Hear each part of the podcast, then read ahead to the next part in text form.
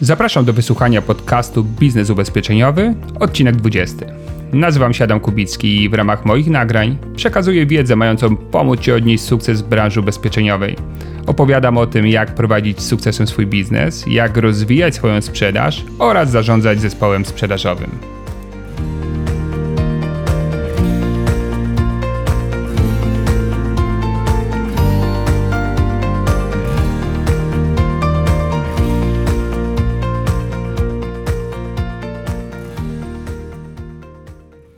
Ten, kto nigdy nie zajmował się sprzedażą, a zwłaszcza sprzedażą ubezpieczeń, nie do końca zdaje sobie sprawę, jakie trudności niesie z sobą wykonywanie tego zawodu, zwłaszcza w koncepcji prowadzenia własnej działalności gospodarczej, czyli w sytuacji, w której no, nie masz stałego wynagrodzenia, może pomijam jakieś pasy startowe i musisz każdego miesiąca zadbać o odpowiedni przychód. I w związku z tym, że jest to sprzedaż zupełnie inna niż y, sprzedaż produktów materialnych, no borykamy się często z, nazwijmy to szumnie, kryzysem sprzedaży, czyli takim momentem, w którym utknąłem i czuję, że mi nie idzie i może nawet nie mam pomysłu ani energii na to, żeby tą swoją sprzedaż jakoś odetkać.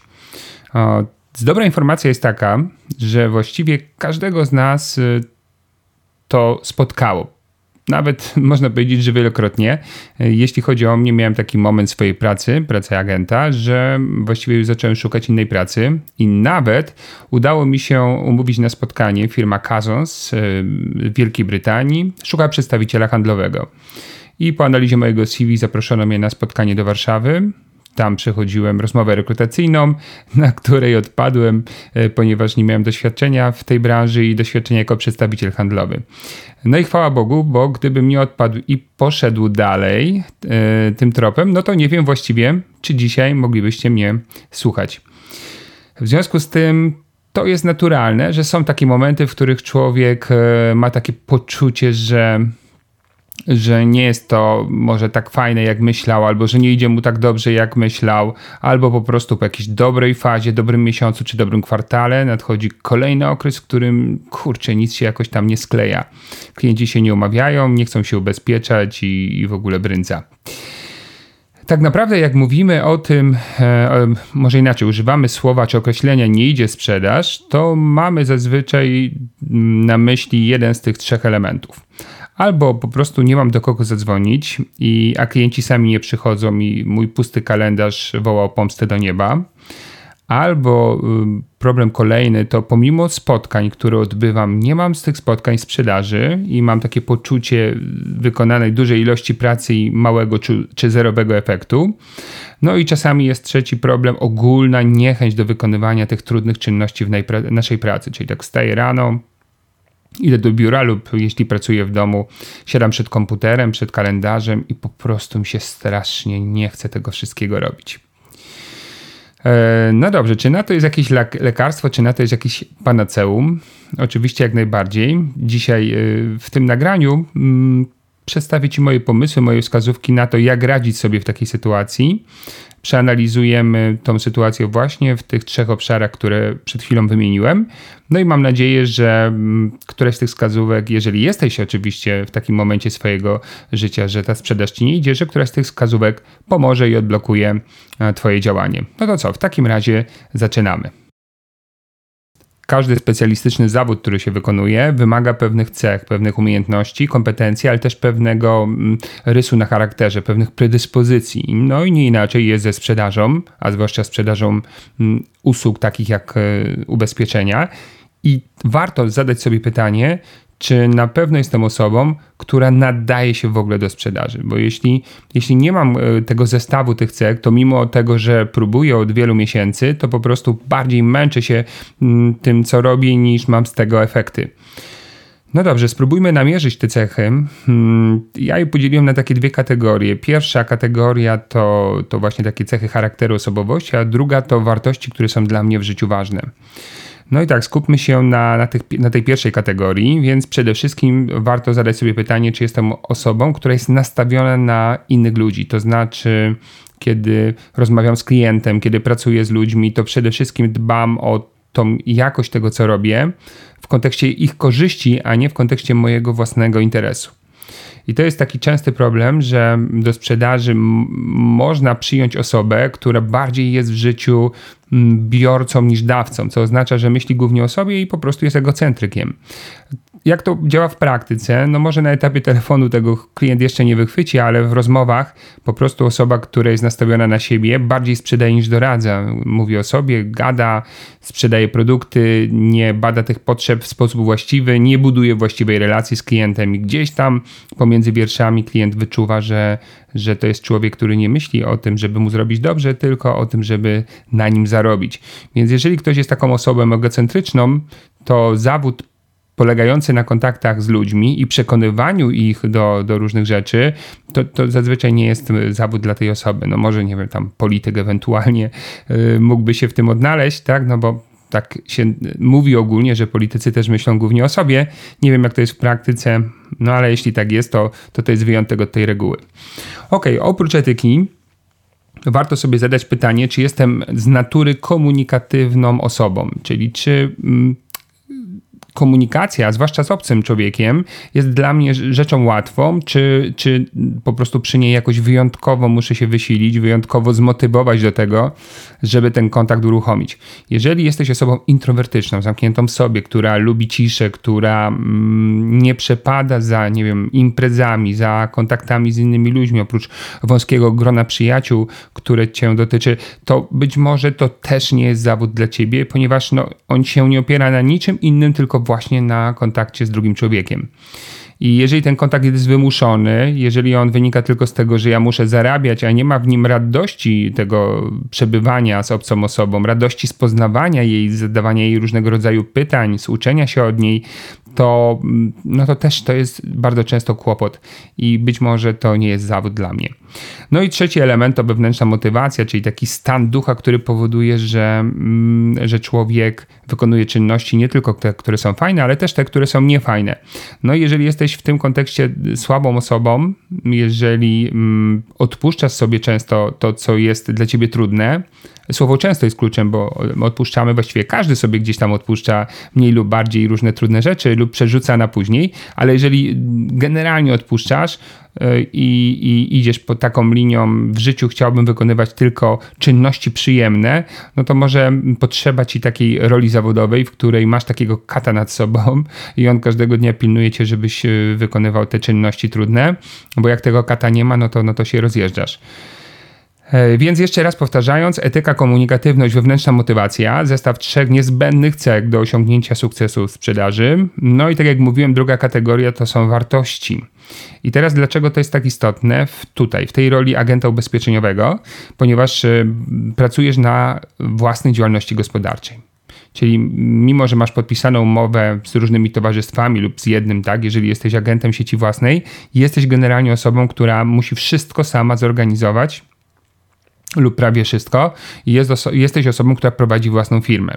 I teraz y, my się dzielimy jednak na takich mentalnych y, etatowców, mentalnych przedsiębiorców i nie każdy pasuje do tej roli przedsiębiorcy.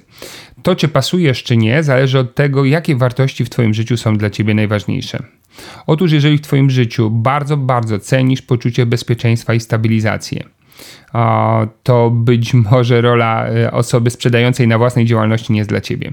Dlatego, że tu przez wiele lat, a nawet czasami przez całą karierę, tej stabilizacji się takiej pełnej nie osiąga. Oczywiście ktoś powie, na etacie też nie ma stabilizacji, masz poczucie zagrożenia, że mogą cię zwolnić. Jednak mam wrażenie, że mm, jest to trochę niższy poziom napięcia niż w przypadku prowadzenia własnej działalności i naprawdę takiej dużej niewiadomej, ile zarobię, ile zarobię w przyszłym miesiącu czy w przyszłym kwartale.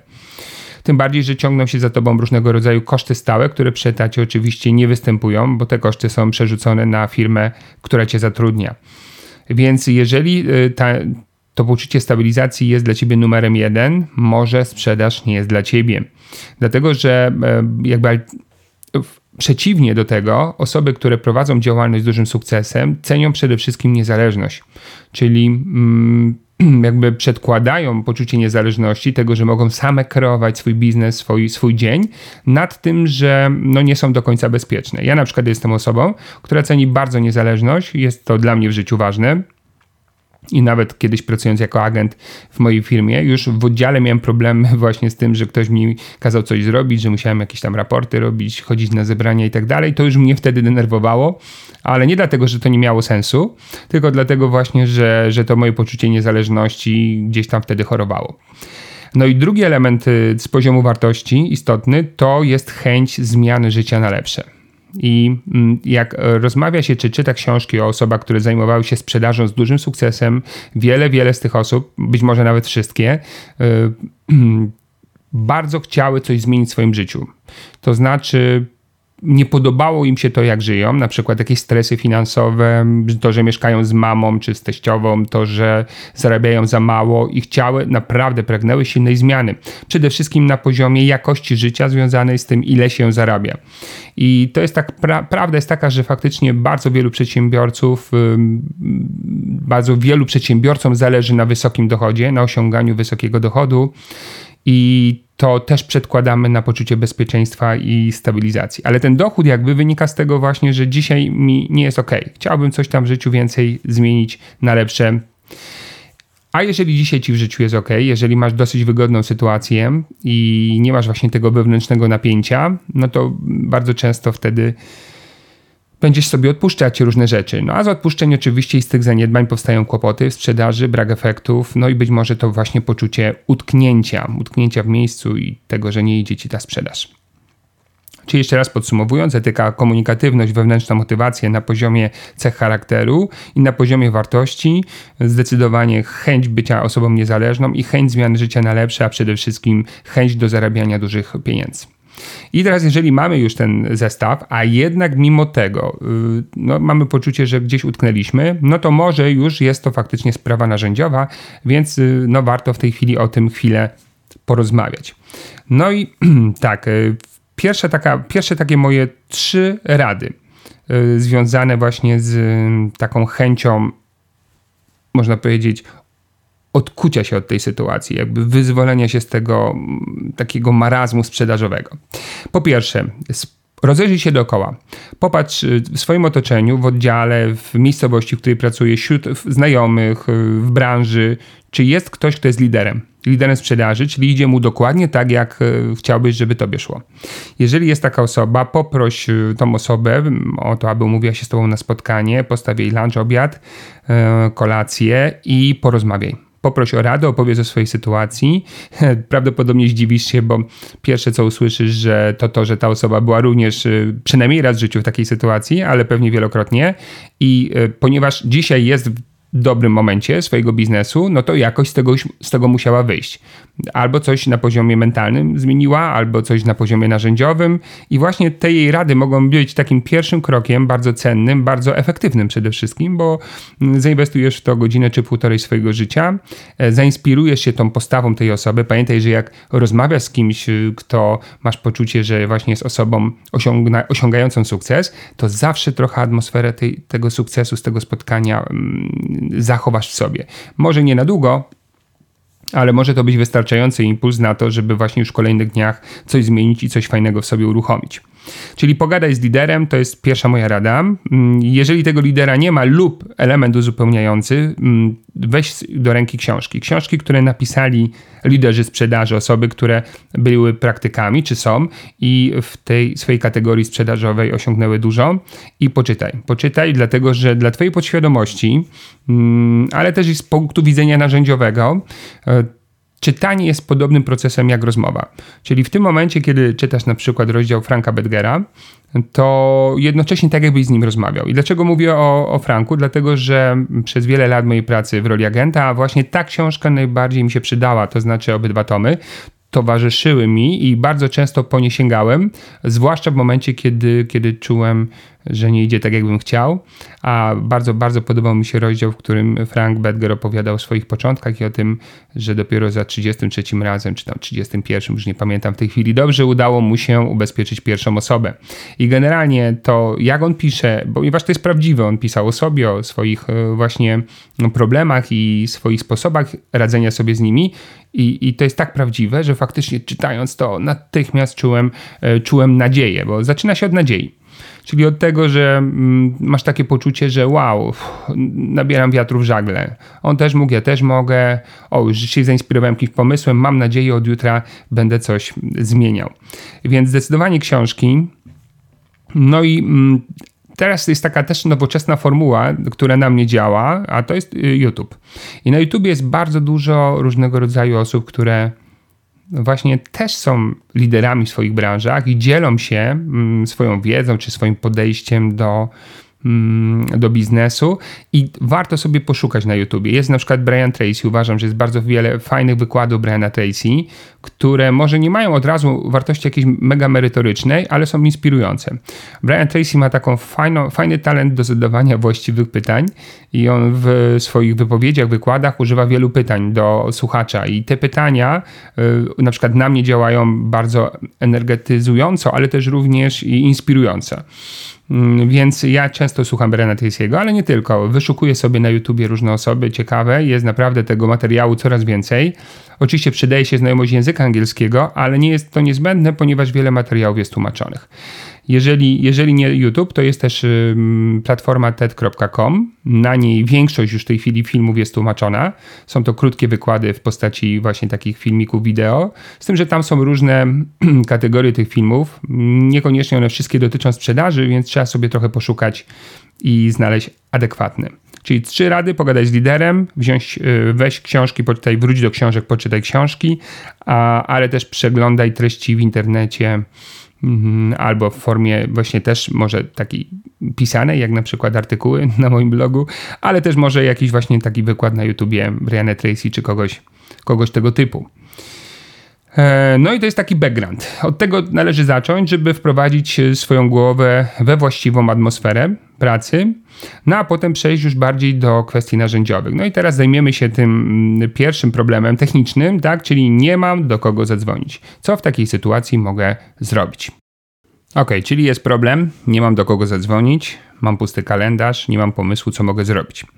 Pierwsza rada, a może inaczej, na początek najważniejsza zasada. Generalnie e, musisz zrobić wszystko, żeby wyjść z domu lub z biura. No, co to znaczy? Trzeba spotkać się z kimkolwiek, zacząć spotykać się z kimkolwiek. Mm, I nie chodzi o to, że te spotkania natychmiast przyniosą sprzedaż, ale chodzi o to, żeby wprowadzić głowę w taki dryg sprzedażowy.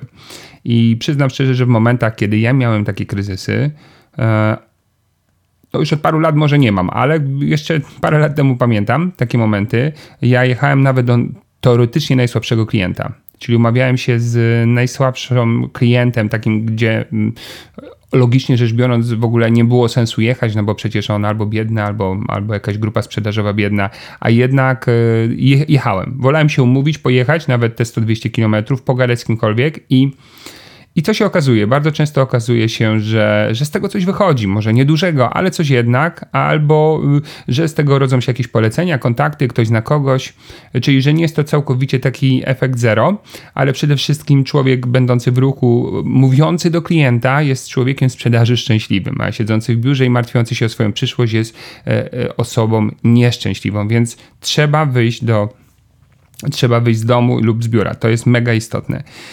No i teraz co możemy w ramach tego wyjścia zrobić technicznie? Podobał mi się pomysł Marty Siąkowskiej. Zachęcam cię do wysłuchania, jeśli tego nie zrobiłeś podcastu. To jest 17 odcinek podcastu z Martą Siąkowską, która świetnie sobie radzi w sprzedaży ubezpieczeń stricte na życie, tak? E, a ale też miała taki moment i dzieliła się w tym nagraniu takim momentem, w którym, znaczy opowiadała o takim momencie, w którym no właśnie nie miała, skończyła jej się lista, nie miała mm, do kogo zadzwonić, do kogo pójść. I spiknęły się z koleżanką, ładnie się ubrały, uśmiechnęły się, tak, nastawiły właściwie i zaczęły odwiedzać biurowce. Biurowce, takie biurowce, tego typu biurowce, gdzie jest wiele, wiele firm na poszczególnych piętrach i pukały od firmy do firmy, wizytówka w ręku i zachęcały klientów do spotkania. Oczywiście nie przeprowadzały wtedy prawdopodobnie, tak sobie myślę, rozmowy pełnej handlowej, tylko, tylko to był taki pierwszy kontakt pod spotkanie. I Marta powiedziała, że to był dla niej przełom, dlatego że nie dość, że ci klienci oczywiście się umawiali i z tego się rodziła sprzedaż, ale też od razu przeskoczyła sobie w dobry rynek klientów, klientów biznesowych, chociaż y, pewnie nie gardziła też i pracownikiem, jeżeli szefa nie było. I y, mimo, że to dzisiaj może się wydawać takie dosyć przerażające czy stresujące, tak, że muszę gdzieś pójść, wejść, zapukać, y, dać wizytówkę, gwarantuję ci, że to będzie mm, niosło ze sobą dużo więcej pozytywnej energii niż bycie w biurze i zamartwianie się. Oczywiście dobrym pomysłem jest dobrać sobie wtedy kogoś, tak żeby nie być takim samotnym to wtedy jest i człowiekowi raźniej i, i, i fajniej. Mm, ale nawet jeżeli nie ma takiej drugiej osoby, lepiej samemu gdzieś popukać parę miejsc i, i jestem przekonany, że to da efekt. No dobrze, w, drugi pomysł jest taki, żeby wziąć wszystkie listy, które budowałeś od początku swojej kariery, czy to jest w formie papierowej, czy w formie Excela, przepatrzeć te listy i sprawdzić, czy są tam jakieś osoby, do których e, jeszcze na przykład nie zadzwoniłem. Może z tej mojej listy stu omijałem z jakiegoś powodu, a może e, jakaś zapomniana rekomendacja, albo ktoś to mówił, żebym zadzwonił za pół roku i właśnie to pół roku minęło. Jestem przekonany, że jak dobrze, dobrze przejrzysz, to parę nazwisk się tam pojawi. I nawet jeżeli to na przykład z listy 100 będzie osoba, która dzisiaj nie zarabia, bo jest na przykład, nie wiem, kolegą studentem, to i tak lepiej pójść do takiej osoby, potrenować na niej rozmowę sprzedażową i na przykład pozyskać polecenie. Ja podam Ci taki fajny mój przykład, który to potwierdza. Mm, kiedyś też miałem taki moment, kurczę, nie mam klientów e, i poprosiłem żonę, żeby jeszcze raz spojrzała, czy kogoś tam nie ominęliśmy i okazało się, że była jedna koleżanka, do której do tej pory nie zadzwoniłem, ponieważ studiowała. Zadzwoniłem. Oczywiście ona jakby potwierdziła, że jest bez dochodów i trochę nie ma sensu, ale poprosiłem ją o polecenie i dała mi jedno polecenie do swojego taty, a właściwie tata był u niej, więc przekazała mu słuchawkę i ja się z tym tatą mówiłem. No i e, co się okazało, że to był mój klient roku, e, czyli w ogóle świetny facet, e, biznesmen, tak, z dużą firmą, z dużym dochodem. Udało mi się doradzić mu i zaproponować skutecznie wiele rozwiązań. Nie tylko on się ubezpieczył, ale jego pracownicy e, i indywidualnie i w formie takiej powiedzmy indywidualno-grupowej, no to było niesamowite. Przez kwartał zarobiłem e, tyle pieniędzy, których wcześniej nie zarobiłem przez kwartał nigdy więcej z tego jednego telefonu. Więc to też pokazuje, że no właśnie, że to działa, że warto sięgnąć jeszcze raz po te listy i jeszcze raz powtórzę, jestem przekonany, że coś się tam przez, prześlizgnęło, że twoje oko wyłapie jakiś jeden, dwa, może kilka, może kilkanaście kontaktów do osób, do których warto, warto wrócić. I to jest bardzo mocna metoda, fajna, skuteczna, szybka do, do zrealizowania.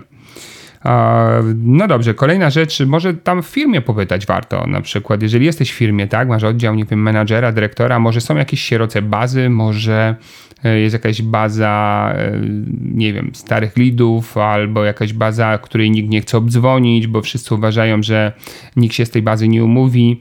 Czasami może się okazać, że coś takiego istnieje i można do tego się dokopać i już jesteśmy do przodu. No i jeszcze jeden pomysł, to mm, taki pomysł, który stosowałem e, z jednym moim kolegą, a potem jako menadżer zachęcałem moich agentów i to było takie wymienianie się z kolegą listą osób, które w ostatnim czasie, na przykład miesiąca, odmówiły mu spotkania. Czyli na przykład ja zbierałem polecenia, on zbierał polecenia, i mówię, ok, jest ten koniec miesiąca, jak tam u ciebie? No mam 30 osób, które mi odmówiły, no ja też mam tam ileś, no to wrzucamy sobie. I to było śmieszne, y, bo w, no takie pierwsze przekonanie jest, jeżeli jest lista osób, które odmówiły i nie chciały się spotkać w kontekście doradztwa ubezpieczeniowego, no to dlaczego miałyby z kim innym się umówić i spotkać? No ale tu jest taka teoria, którą wielu zna, że każdy klient ma swojego agenta, czyli to jak rozmawiasz, tembr głosu, może decydować o tym, czy dana osoba się umówi, czy nie. Do tego wchodzi jeszcze czynnik losowy, taki jak moment, w którym złapałeś daną osobę. No i w naszym przypadku ta skuteczność telefonowania z takiej bazy była niewiele gorsza od takiej po prostu normalnej skuteczności. I udawało się omówić klientów. Niektórzy, niektórych to byliśmy bardzo zdziwieni, czyli na przykład mówię, słuchaj, ten pan Jan się ze mną mówił, on mówi, nie, to jest niemożliwe. Ten facet, jak ze mną rozmawiał, to jakoś strasznie nieładnie się zachowywał, tam, czy był wręcz chamski. No mówię, nie, sympatyczny facet w ogóle się bez problemu umówił. Więc to jest fajna metoda, znaleźć sobie kolegę, koleżankę, czy kolegów, koleżanki i powymieniać się bazami klientów, które, którzy nam odmówili. No i tak myślę, że to styknie, nie? że to te parę narzędzi od tego może zacząć, czyli albo jakiś taki właśnie kontakt bezpośredni, mm, gdzieś sobie tam sklepy, biura wybrać i, i poodwiedzać, albo przejrzeć sobie jeszcze raz listę kontaktów i znaleźć te osoby, które się ze mną nie umówiły, albo osoby, i to jest teraz ważne, bo trochę o tym nie powiedziałem, albo osoby, których, od których do tej pory nie poprosiłem ich o polecenia. I to jest mega istotne, bo tak jak może z wszystkimi się chciałeś umówić, to jestem przekonany, że na tej liście są osoby, których nie poprosiłeś do tej pory o polecenia. I teraz nic ci nie grozi, bo pamiętaj, że jedyne na co jesteśmy narażeni to ewentualna odmowa. W związku z tym możesz spokojnie wziąć telefon w rękę, zadzwonić, powiedzieć: Cześć, słuchaj, mam taką sytuację, nie za bardzo mam do kogo zadzwonić, utknąłem w biznesie i tak dalej, i tak dalej. Czy mógłbyś mi pomóc, tak, przedstawić jakąś osobę, kilka osób, do których mógłbym zadzwonić. Nawet jeżeli jesteś e, bardzo zblokowany, to znaczy tak zestresowany takim pomysłem, i no, trudno ci sięgnąć po tą słuchawkę, zastosuj metodę małej prośby, która polega na tym, że po prostu poproś chociażby o jedno polecenie. Czyli dzwonię i mówię, mam do ciebie serdeczną prośbę, słuchaj, Janek, nie mam za bardzo do kogo zadzwonić, a tutaj wiesz, no to jest dla mnie mega ważne, czy byś mi pomógł, na przykład pokierował mnie do jednej osoby, do której ja mógłbym zadzwonić swojego polecenia, która ci ufa, znacie i mogę jej sprawdzić, czy mogę jej w czymś pomóc, tak? i jest szansa, że chociażby to jedno polecenie od tego człowieka się mm, otrzyma. Ale jeżeli masz większą odwagę, no to nie korzystaj z tej metody, sięgaj po więcej kontaktów. I też będziesz zaskoczony, bo tam, gdzie wydawało ci się, że osoby pewnie pomogą, nie pomogą niektóre, a tam, gdzie wydawało ci się, że e, tam dzwonię, ale bez sensu, to może się okazać, że będziesz mile zaskoczony, bo ktoś powie, nie ma problemu i sypnie jakąś tam garścią kontaktów.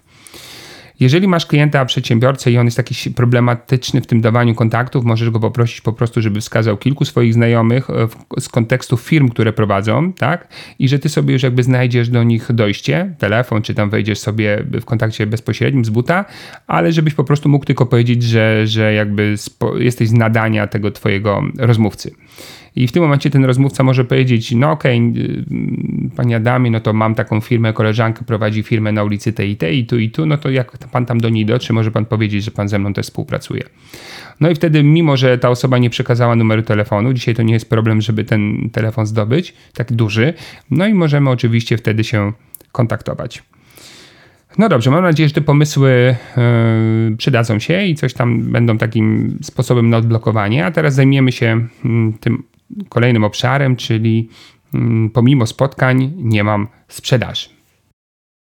Co w takim razie zrobić w takiej sytuacji? Hmm, przede wszystkim warto zastanowić się na początek, czy ja mm, sięgam po właściwy sort klienta. Bo to jest tak, że połowa tego sukcesu jest po naszej stronie, to jak prowadzimy rozmowę, jak się znamy na swojej pracy, ale druga połowa tego sukcesu to jest rodzaj klienta, do którego docieramy.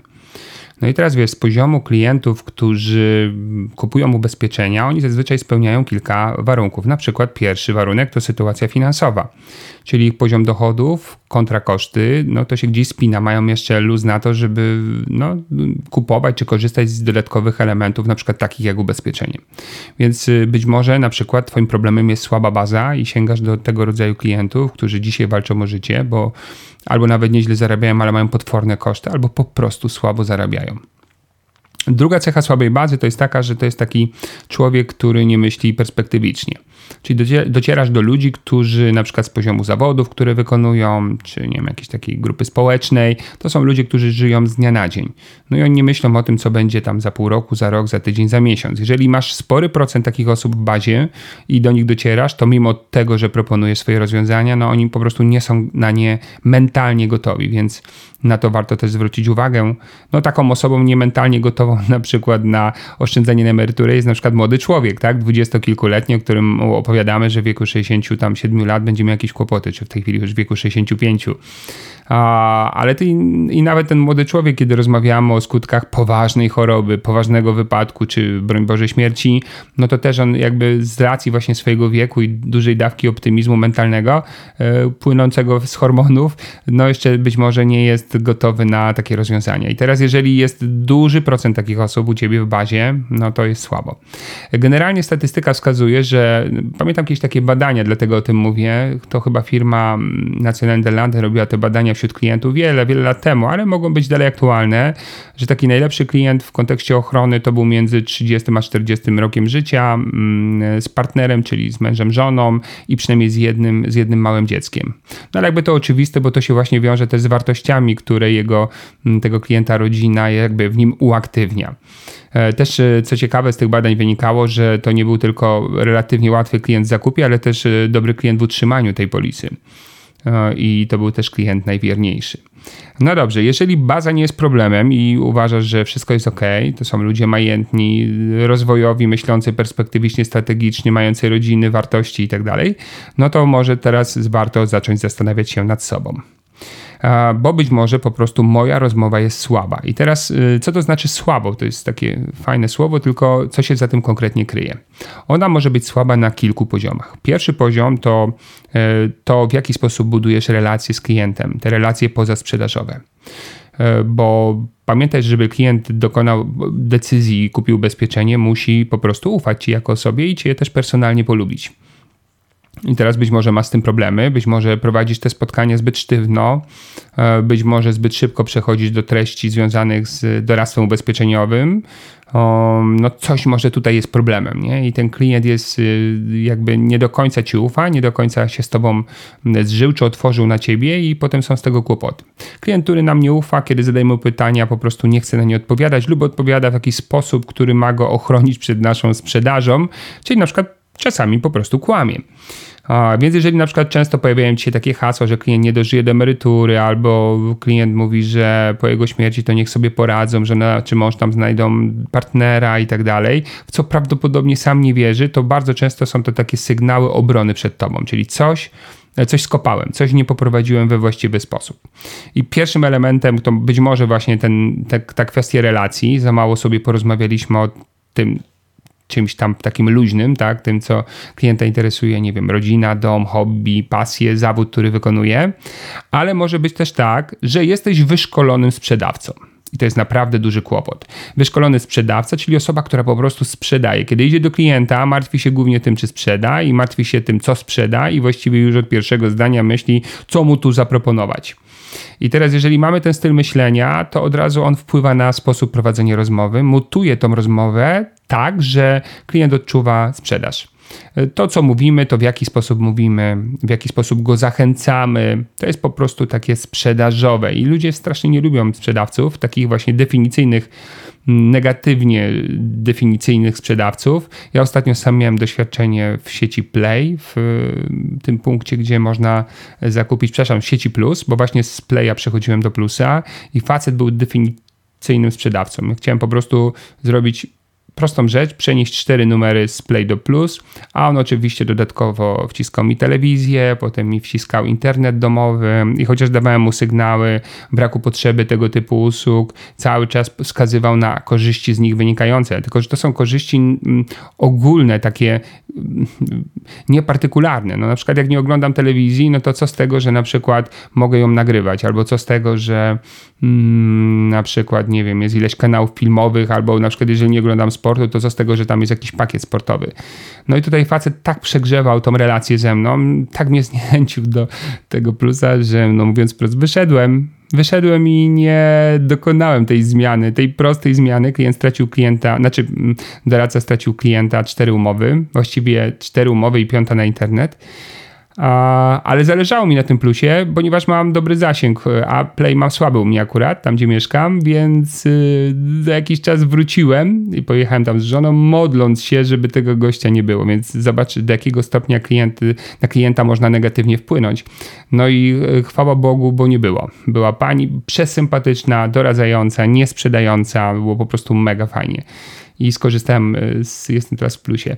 Ale teraz e, jakby wracając do tego gościa, ja nie mogę powiedzieć, że on nie był wyszkolony. On był bardzo dobrze wyszkolony, takim, no, miał te techniki opanowane, te smaczki wszystkie i tak dalej, tylko z poziomu intencji nie dbał o moje dobro. On po prostu miał jakieś cele sprzedażowe, musiał opchnąć ileś domowego internetu, ileś tam czegoś, telewizji i on po prostu myślał o tym, a nie myślał o mnie. I to to wyszkolenie nic w tym momencie nam nie pomaga. No więc jeżeli jestem taką osobą, chodzę do klientów, to bardzo rzadko sprzedam ubezpieczenie. Zwłaszcza na życie, zwłaszcza indywidualne. Mam nadzieję, że akurat ty, ty, nie jesteś taką osobą, no ale może gdzieś tam masz takie, takie elementy w sobie, które wymagałyby zmiany. Być może tak zostałeś nieumiejętnie wyszkolony, czyli ogólnie nie jesteś, ale typ szkolenia powoduje, że tak prowadzisz właśnie rozmowę. Czyli pamiętaj, doradzaj, nie sprzedawaj, myśl o, głównie o tym, żeby pomagać klientom, których spotykasz, mm, a nie martw się w ogóle o sprzedaż, tak? Co ja dzisiaj sprzedam, za ile i tak dalej. To wyłącz zupełnie to na rozmowie. E, no ale kolejny kłopot y, związany ze słabą rozmową polega na tym, że mm, za wszelką cenę, cenę, cenę chcemy poprowadzić ją w miły sposób. Teraz, jeżeli sprzedajemy ochronę klienta w sytuacji śmierci, choroby, wypadku, nie da się po prostu tutaj przejść na drugą stronę suchą stopą przez tą rzekę. No musi być taki moment, w którym będzie, zrobi się smutno i ponuro. Znaczy on powinien być, bo jak go ominiemy, no to automatycznie rozmowa będzie miła, ale nieefektywna. Czyli jeżeli na przykład masz y, analizę potrzeb klienta, na pewno w jakiś sposób tam to robisz, to oprócz tego, że dokonujesz pewnych obliczeń, tak, na ile klient powinien być w jakimś zakresie zabezpieczony, to dodatkowo no, musisz wpłynąć na emocje klienta pogadać z nim przez chwilę o tym, jakie skutki mogłyby mieć poszczególne zdarzenia, takie jak właśnie śmierć, choroba, wypadek, yy, zwłaszcza od strony finansowej, dla nie, na niego te skutki, tak jak mogłyby wpłynąć lub na jego rodzinę, jeżeli mówimy o śmierci. I chodzi o to, żeby klient miał w głowie obrazek, obrazek takiej sytuacji. I dopiero potem przechodzimy do matematyki. I to nie jest fajne, miłe dla klienta, ale nie możemy tego ominąć. Inaczej bardzo dużo spotkań zakończy się takim sformułowaniem klienta, że przemyślę to, zobaczę, co będzie jutro, pojutrze, bo teraz mi się coś tam kończy, coś zaczyna, muszę jeszcze chwilę y, się wstrzymać z decyzją, albo po prostu klient powie, muszę się nad tym zastanowić, co nie jest w większości przypadków prawdą, bo mm, no nad czym się tu zastanawiać? Sprawa jest jasna. Jak umrę, nie ma kasy, rodzina, polisa jest prosta. Jak zapłacę 200 zł, rodzina dostanie na przykład, nie wiem, 100 tysięcy. No tu naprawdę to nie wymaga przemyśleń, chyba że właśnie klient nie został odpowiednio mm, pobudzony emocjonalnie. I o, to jest mega istotne, wcale nie trudne, nie, niełatwe, czy jest to trudne, ale nad tym trzeba, nad tym trzeba pracować. I e, też w ramach tego warto powiedzieć o tym, żebyś zadał sobie pytanie, ile, jak procentowo rozkłada się mówienie twojej klienta. Czyli podczas tej rozmowy, ile procent mówi klient, ile procent mówi doradca. I teraz, jeżeli to jest bardzo, bardzo przeważające na, po stronie doradcy, to też niedobrze. Mm, czym więcej mówimy, tym gorzej to wpływa na decyzję klienta. Więc trzeba też nad tym pracować, żeby ograniczyć to i transformować mm, ten styl prowadzenia spotkań na zadawanie pytań, na słuchanie tych ludzi. Ale też chciałbym powiedzieć o jednej rzeczy.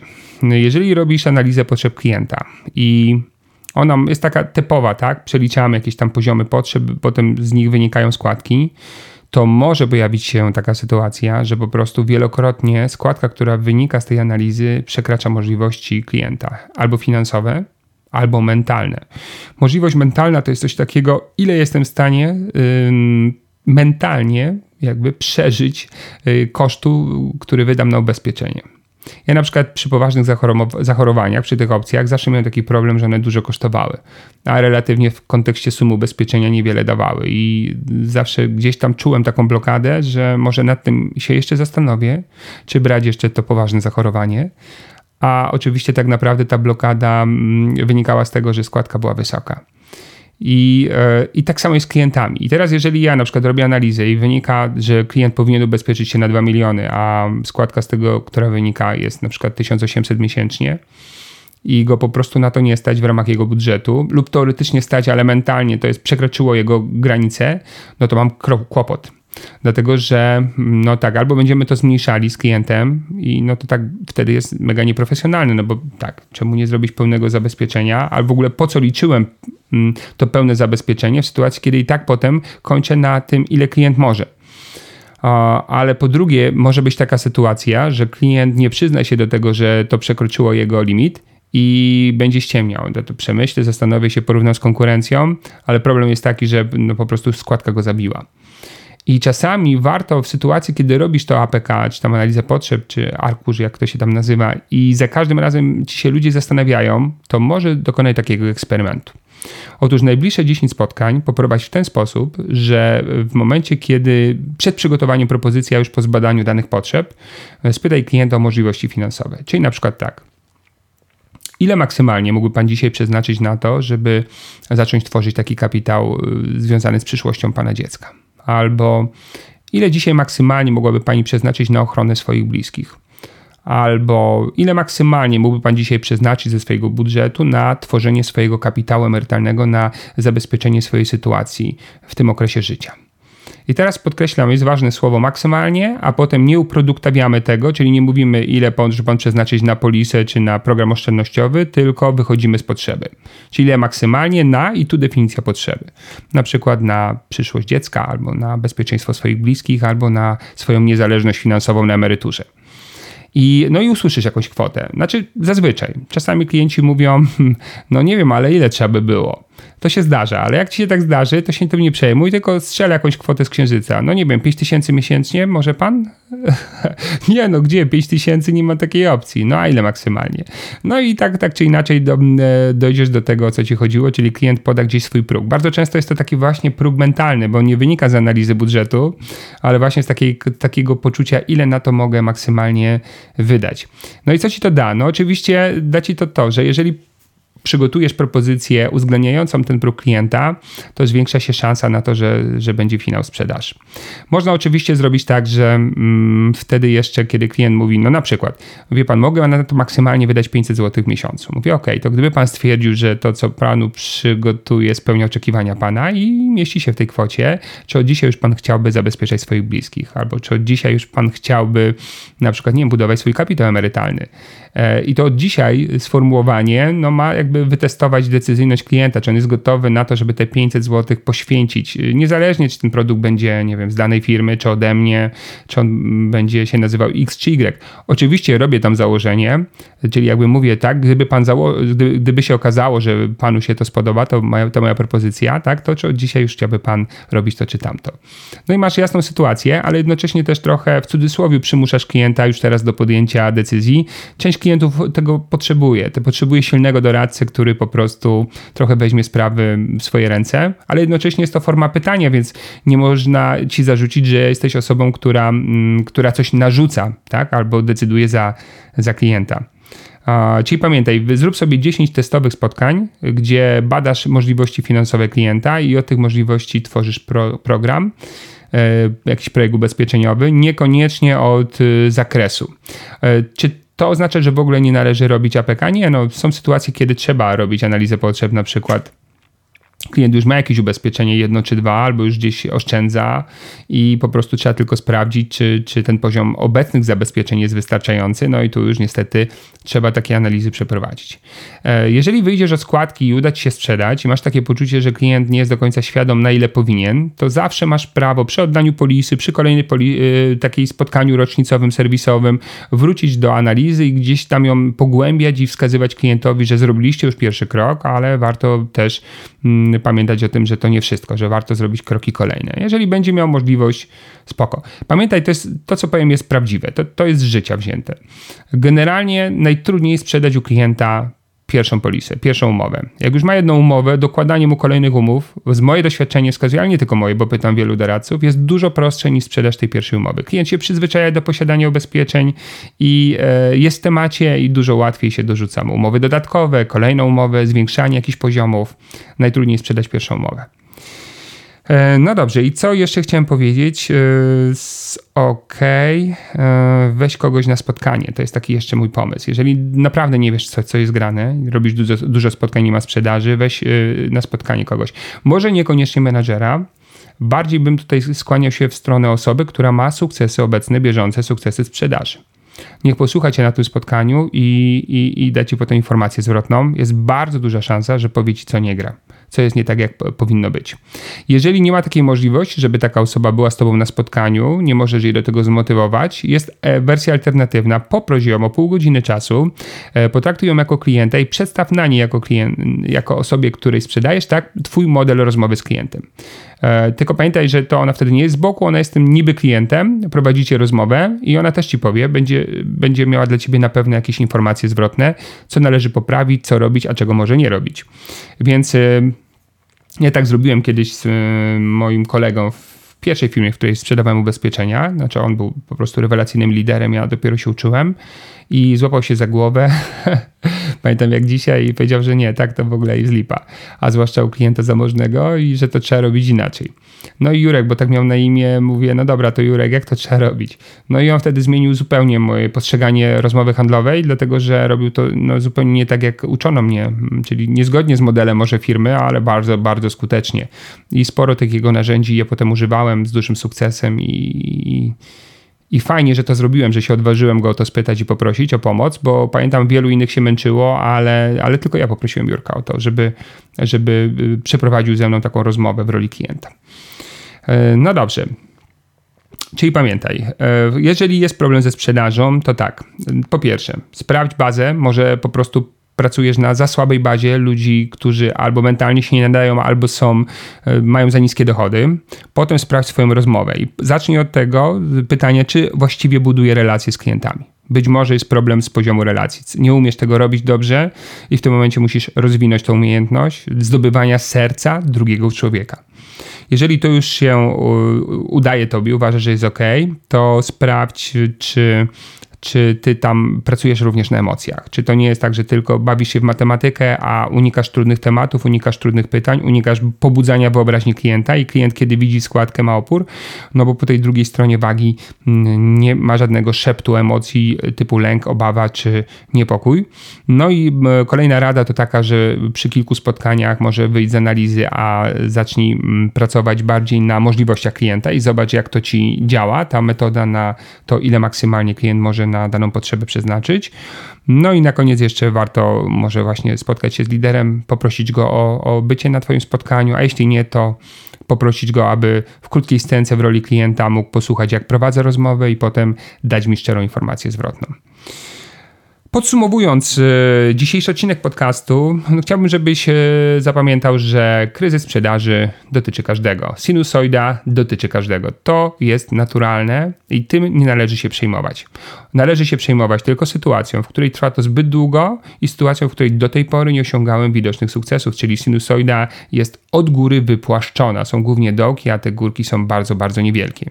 I wtedy, no właśnie, warto dokonać takiej analizy, czy takie, takich e, sposobów e, pracy z sobą, o których dzisiaj Ci mówiłem. E, jestem przekonany, że jeżeli zastosujesz któryś z tych metod, to wyciągniesz się tak, z tego, co się dzisiaj u Ciebie dzieje w sprzedaży, no chyba, że, i to też warto szczerze powiedzieć, po prostu do sprzedaży się nie nadajesz. Pamiętaj, zawsze istnieje taka ewentualność. Jest ona chyba najrzadszą z tych wszystkich opcji, ale istnieje. W związku z tym też warto zadać sobie pytanie, czy to, czy to na pewno jest coś dla mnie, no bo nie ma sensu tkwić w takim zawodzie czy roli zawodowej, która nie pasuje do moich predyspozycji. Gdzie indziej być może rozwinąłbym się już 10 razy bardziej, a tutaj po prostu się męczę. Dziękuję Ci za to, że byłeś ze mną w tym odcinku wakacyjnym. E, mam nadzieję, że, że odpoczywasz. Również nie tylko ciężko pracujesz. Pamiętaj, że ta równowaga jest istotna. Mm, ja już byłem na urlopie, tydzień w Bieszczadach, e, słońce, mało deszczu, więc było mega fajnie.